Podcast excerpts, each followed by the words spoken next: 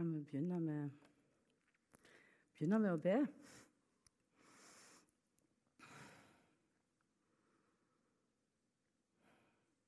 Kjære himmelske Far.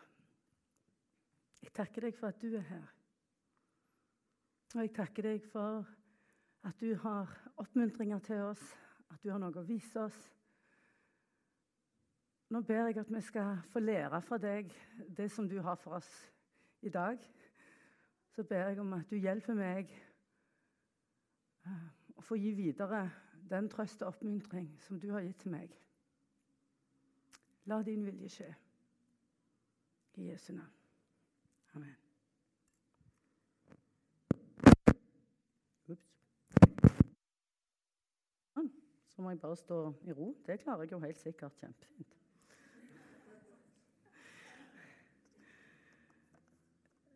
Jeg har valgt eh, ett vers, som er et veldig kjent vers. Um, for jula kom ikke bare sånn helt plutselig på. Gud hadde planlagt jula lenge. og um, til og med hatt profeter til å si det så lenge i forveien som Jesaja sa dette verset her. Og jeg har tatt tre ting som uh, dette verset kan eh, lære oss om jula, som jeg har lyst til å dele med dere. For et barn er oss født, en sønn er oss gitt. Herreveldet er lagt på hans skulder. Han har fått navnet Underfull rådgiver, veldig Gud, evig Far, fredsfyrste.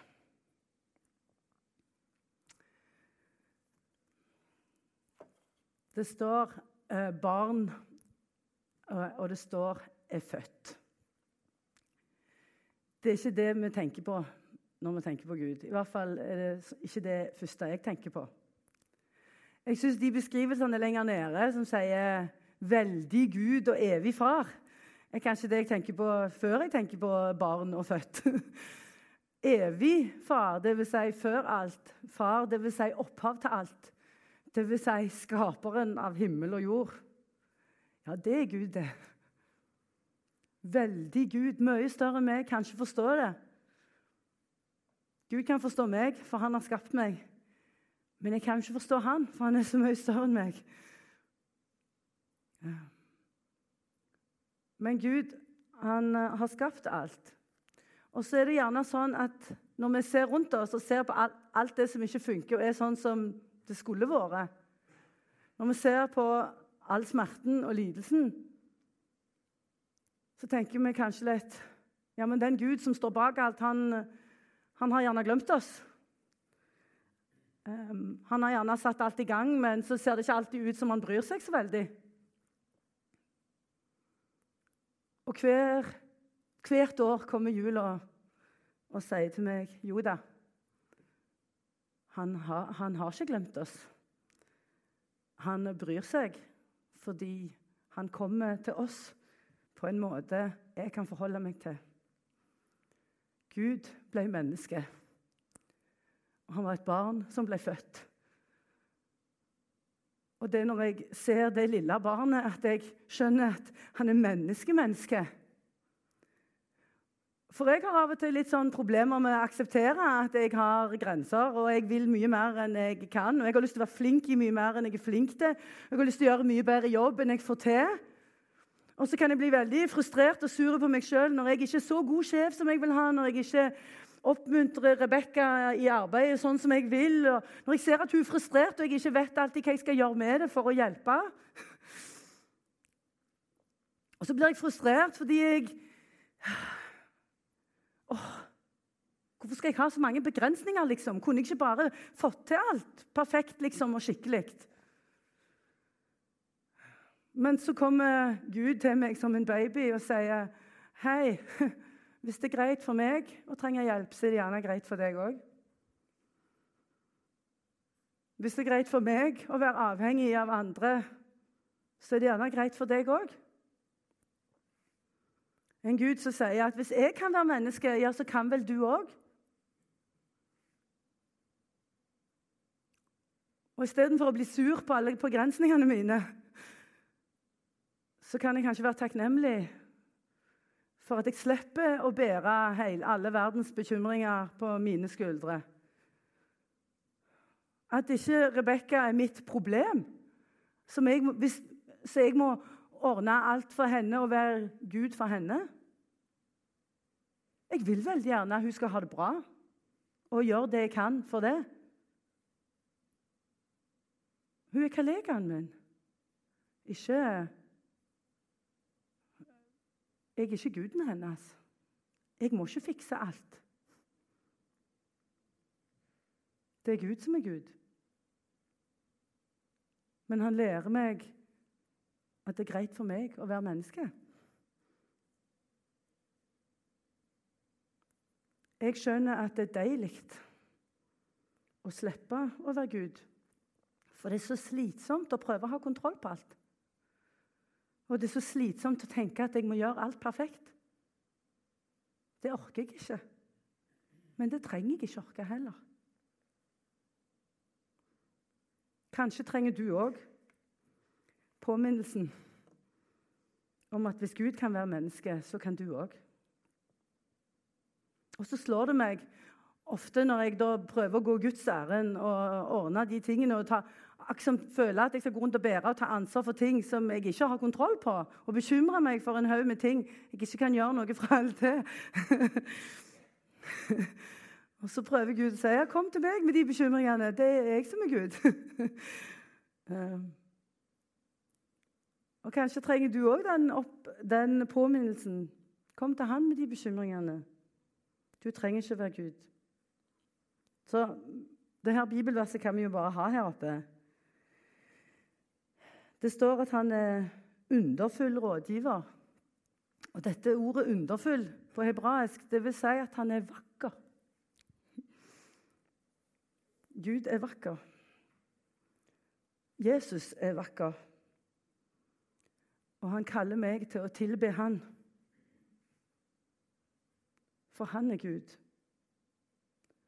Og hvem er vel en bedre rådgiver til å lære oss å være menneske og ikke Gud enn han som er både Gud og menneske? Han kan lære meg. Så på den ene sida så har jeg alle det der at jeg trenger hjelp til å skjønne når jeg prøver å liksom leke Gud og si 'Unnskyld, Gud, det var visst ikke jeg som skulle ha kontroll på dette'. Du må hjelpe meg sånn at du er Gud. Og på den andre sida betyr ikke det at jeg ikke trenger å gjøre noen ting. At jeg bare skal sette meg ned og, og se hva som skjer, og la livet skje med meg. Jeg har en Gud som inviterer meg til å være med, og han inviterer dere til å være med. Akkurat som han kom og var avhengig av andre, så har han òg gitt oss hverandre. Det var så bra sunget i, i sangen med lysa i dag. Vi får være med og leve sammen med hverandre og støtte hverandre. I Salme 8 står det at han har gitt oss eh, herredømme over jorda. At vi er skapt lite ringere enn han, som mennesker. Det er ikke lite å være menneske, det er stort. Så skal jeg øve meg på å legge fra meg. Men så skal jeg òg øve meg på å si Hei, Gud har gitt meg masse bra greier som jeg skal dele med meg. Og så skal jeg bidra med det jeg har. Men så trenger jeg ikke være Gud eller perfekt for å gjøre det. Den balansen. Hvem kan hjelpe meg bedre med det enn han som er underfull rådgiver? Som er Gud og menneske. Dere har sikkert hørt om denne sinnsrobønnen som de bruker i disse tolvstegs rehabiliteringsprogrammene. Det er en amerikansk teolog som eh, heter Reinhold Niebuhr, og som har skrevet den bønnen. og Den er sånn Gud, gi meg sinnsro til å akseptere de ting jeg ikke kan forandre. Mot til å forandre de ting jeg kan. Og visdom til å se forskjellen. Hvem er bedre? Å komme til med den bønnen enn Jesus, som er både Gud og menneske. Nummer to Jesus kommer i svakhet. Tenk at han, som herrevelde er lagt på hans skulder, som har navnet underfull rådgiver, veldig Gud, evig far og fredsfyrste, kommer som et barn. Jeg har tenkt på det noen ganger at eh, det er noe så utrolig vilt smart med måten Gud ordner ting på. Jeg tenker jo liksom bare ofte sånn kraft, bånn gass Liksom, Du skal liksom eh, Du skal jo helst ikke vise svakhet, liksom. Og så kommer han akkurat som nedenfra istedenfor ovenfra. Han har jo all grunn til å komme ovenfra, han som er så mye større enn oss. Og så kom han som en baby. Så tenkte jeg OK, men hvis han hadde kommet sånn som jeg på en måte mer forventa av Gud, full bravur, liksom, sånn at alle bare skjønner at dette er Gud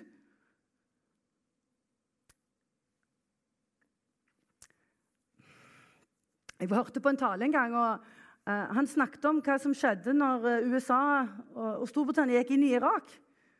Altså, Alle i Irak måtte jo skjønne det at det var jo ikke bra med Saddam Hussein. Så måtte, jo, måtte, liksom, Han måtte vi bli kvitt. Vi skulle jo hjelpe folk. Men når han kommer med full makt på den måten, så blir det liksom ikke nødvendigvis sånn at folk føler seg løfta opp. Det er en maktdemonstrasjon, men en sitter gjerne mer igjen med avmakt enn med en opplevelse av å bli løfta opp. Og Selv om de gjerne ikke hadde tillit til Saddam Hussein, så hadde de ikke tillit til amerikanerne heller. De viste at de var sterkere. Men folk fikk ikke tillit. Gud kan godt vise oss at han er sterkere. Men han vil gjenopprette tilliten til oss, mellom oss og han. For han kom jo for oss. Han vet jo at han er sterkest. Han må jo ikke bevise noe. Han er ganske trygg på seg sjøl, Gud, så jeg tror ikke han trenger å liksom bevise noe for oss om at han er sterkest, for han, så, han vet jo det, han. Men han vil gjenopprette tilliten mellom oss og han. Den som gikk tapt, den vil han gjenopprette. Han kom for å frelse meg. Hadde han kommet i full bravur med en gang, for å dømme verden, så hadde jo jeg ligget dårlig an. I stedet så blir han uskyldig dømt, sånn at jeg slipper å bli dømt. Han kommer for å frelse oss, sånn at når han kommer tilbake i full makt, med herrevelde på sine skuldre, for å sette denne verden i rett stand, for å bli kvitt all urettferdighet og lidelse og elendighet.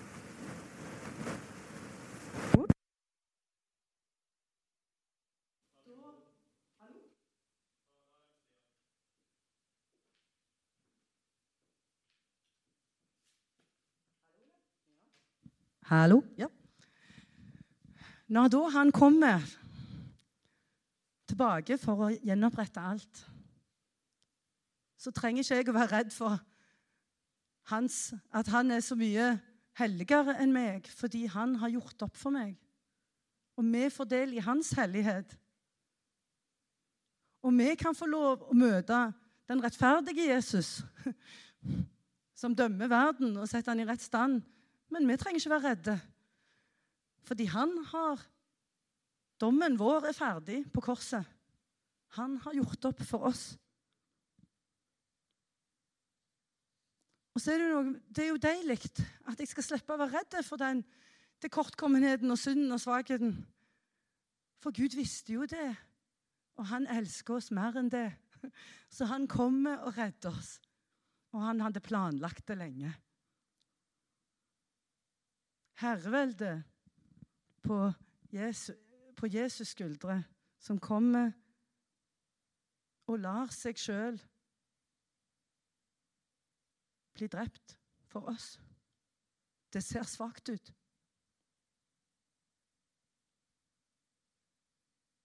Men det er styrke. Kraften i Guds kjærlighet til oss.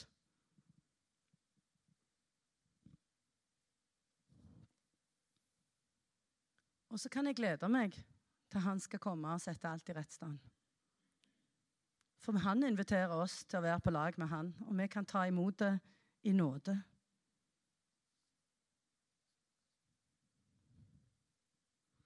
Hvis Gud kan være menneske, så kan jeg òg. Og Jesus kom i svakhet. Han kom nedenfra og opp for å løfte oss opp. For å være fredsfyrsten som gir oss fred med Gud. Sånn at når jeg ser framover på at Jesus kommer igjen, så har vi noe å glede oss til. Vi trenger ikke være redd for Han som har all makt. For Han som har all makt i himmel og på jord, kom til oss i kjærlighet for å redde oss. Og han kom igjen for å redde verden og sette alt i rett stand. Den siste tingen. Når Jesus er menneske, så betyr det at han forstår oss, og at han bryr seg om oss. Det er ikke noe i mitt liv som ikke han kan romme. Det er ikke et dyp som er dypere enn han kan nå. For Gud kjenner lidelse personlig. Jeg kan ikke svare på hvorfor Gud tillater sånn og sånn, og hvorfor livet av og til gjør så vondt. Men jeg kan si at han forstår, og han er med oss. Jeg vil heller ha det vondt med han og vite at han skal fikse det, enn å leve i en verden uten det håpet fra jula.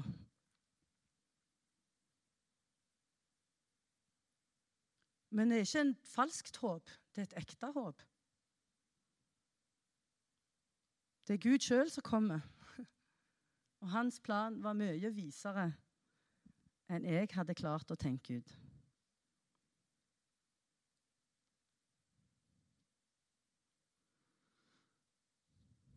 Så er det en ting til med at han forstår meg. For av og til er det sånn at Jeg sa i begynnelsen at eh, hvis Gud kan være menneske, så kan jeg òg. Og da slipper jeg å være Gud. Men det er, bra, det er en, veldig, en veldig bra ting med at Gud forstår oss. Det er at andre folk slipper å være Gud for oss. For Av og til så kommer jeg og så vil jeg ha bekreftelse. Så søker jeg bekreftelse fra andre. Vær så snill å si at jeg er god nok. Vær så snill å si at det er greit når jeg driter med Gud. og så kan vi gå rundt og være litt sånn Jeg har så lyst til å bli forstått. Og så kommer Gud og prøver å minne meg på om igjen om igjen. Ja, men kom, kom, bring alle bekymringene til meg. Jeg har jo omsorg for deg. Og så skal jeg slippe å gå rundt og søke fra alle andre de tingene faktisk han kan gi. Vi kan få lov å komme til han og få bekreftelse. Vite at vi er forstått på dypet. Frans av Assisi har en eh, veldig fin bønn som mange av dere kjenner til.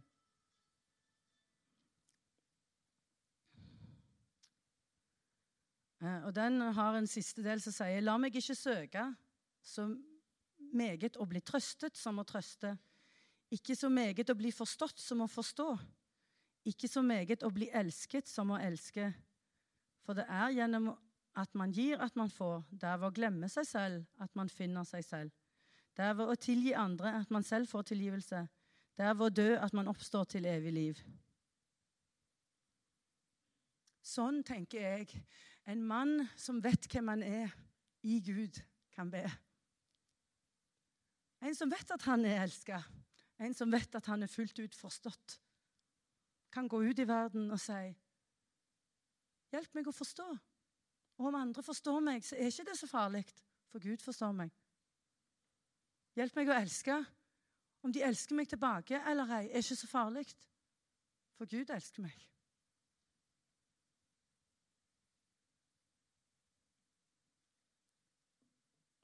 En Gud som er menneske, kan forstå oss og minne meg på at jeg bare kan få hos han det han kan gi. Nå er jeg singel. Og vi har sånn her, um, I Luxembourg er det en sånn gruppe som har sånn eget sånn single ministry. Um, uh, og, prøv, og, I den gruppa hadde du sånn håndsoppregning. Hvem har lyst til å bli gift uh, uh, innen et år? Og jeg hadde tatt med ei fra Finland, og vi siktet på hverandre. Alle rekte opp hånda utenom oss to. og det syns jeg var litt morsomt. og Det er liksom den, på det, at folk kjenner på den der lengselen. Og så har, var det ei som var der og snakket, og hun snakket om det der med du må ikke ha så høye forventninger til dette ekteskapet. For den her stakkars mannen du leide etter, han kan jo ikke være alt for deg. og det er jo litt det der Når Gud er Gud, ja, da slipper eh, kona vår eller ektefellen vår å være alt for oss. Tenk så deilig, da. Jeg trenger ikke forvente at folk skal gå rundt og være Gud eller være perfekte. Akkurat som jeg slipper å være det, så slipper de å være det. Og så kan jeg ta de forventningene som hører hjemme hos Gud, og gi de til Gud. Og så kan jeg eh, finne en mann eller ikke finne en mann. Men uansett om jeg finner en mann eller ikke, så trenger jeg ikke en mann for å få fra Gud bare det han kan gi. Og det gjelder enten en er gift eller ikke. La Gud være Gud. Så slipper de rundt oss å være det. Og da slipper vi å ha forventninger til de som de bare kommer til å skuffe oss med. For de er ikke Gud, de heller. Og det er en fin ting. Det er godt å være menneske når vi har en god Gud.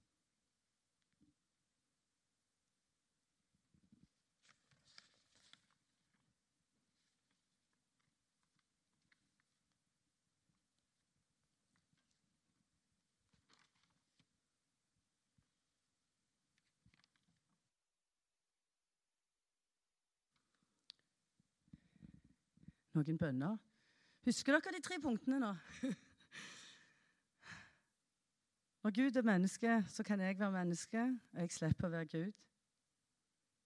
Han kom i svakhet. Han elsker oss, han frelser oss, og han løfter oss opp fra bunnen av. Og når han kan komme så langt ned, så minner han òg meg om at jeg ikke skal være så opptatt av alle disse ytre tingene. For livet er ikke en konkurranse mellom oss. Vi er her for å leve sammen og hjelpe hverandre, ikke for å konkurrere om å være gode nok. Og Jeg har snakket med så mange i Luxembourg som har det så krevende på jobb. For det er så ekstremt sånn der konkurransegreier. Og Istedenfor å hjelpe hverandre på arbeidsplassen, så kan du ikke gjøre noe du ikke får kred for sjøl, for du må jo fremme din egen karriere. Så blir det et sånn utrolig kjipt miljø. Der det er om å gjøre å bare fremme sin egen karriere, der ingen hjelper hverandre. Fordi det hjelper jo ikke Hvis de andre ser bra ut, så hjelper ikke det min karriere. Og da er det deilig å komme til Jesus, som ikke var opptatt av den statusen, og som blir født utenfor ekteskapet i en kultur der det er en veldig uting. Av noen foreldre som er fattige.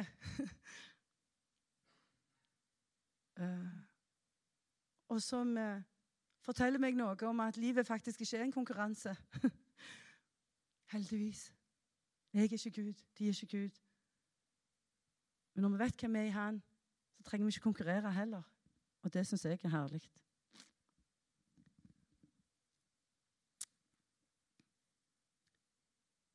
Han er Gud.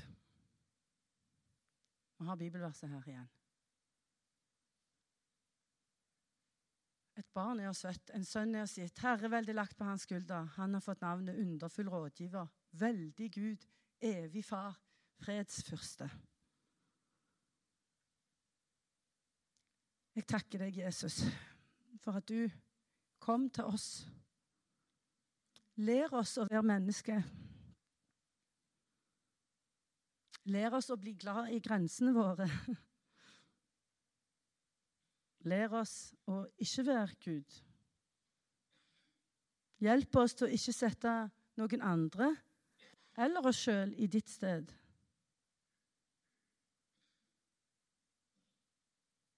Vi vil tilbe deg for den du er.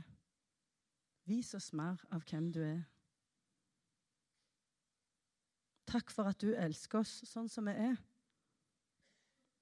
Og takk for at du kommer med nåde og tilgivelse. Hjelp oss å ta imot nåden fra deg.